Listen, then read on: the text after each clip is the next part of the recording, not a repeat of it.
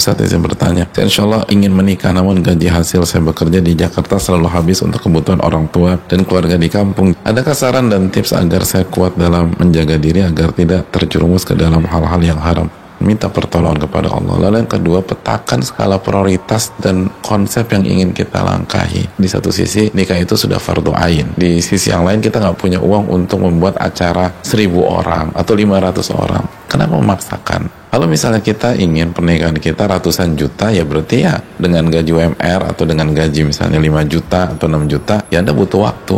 Kalau pernikahan kita 3 juta, gaji kita 5 juta, ya udah, bulan depan udah bisa nikah. Makanya Allah mengatakan ankil ayam minkum wasalihina min ibadikum wa imaikum. Dan nikahkan orang-orang yang jomblo di antara kalian. Wasalihina min ibadikum wa imaikum. Dan hamba-hamba saya kalian yang laki-laki maupun perempuan hamba saya nggak punya fulus nggak punya uang. Iya kunu fuqara yughnihumullah min fadli. Kalau mereka fakir nggak punya uang nanti Allah akan cukupkan.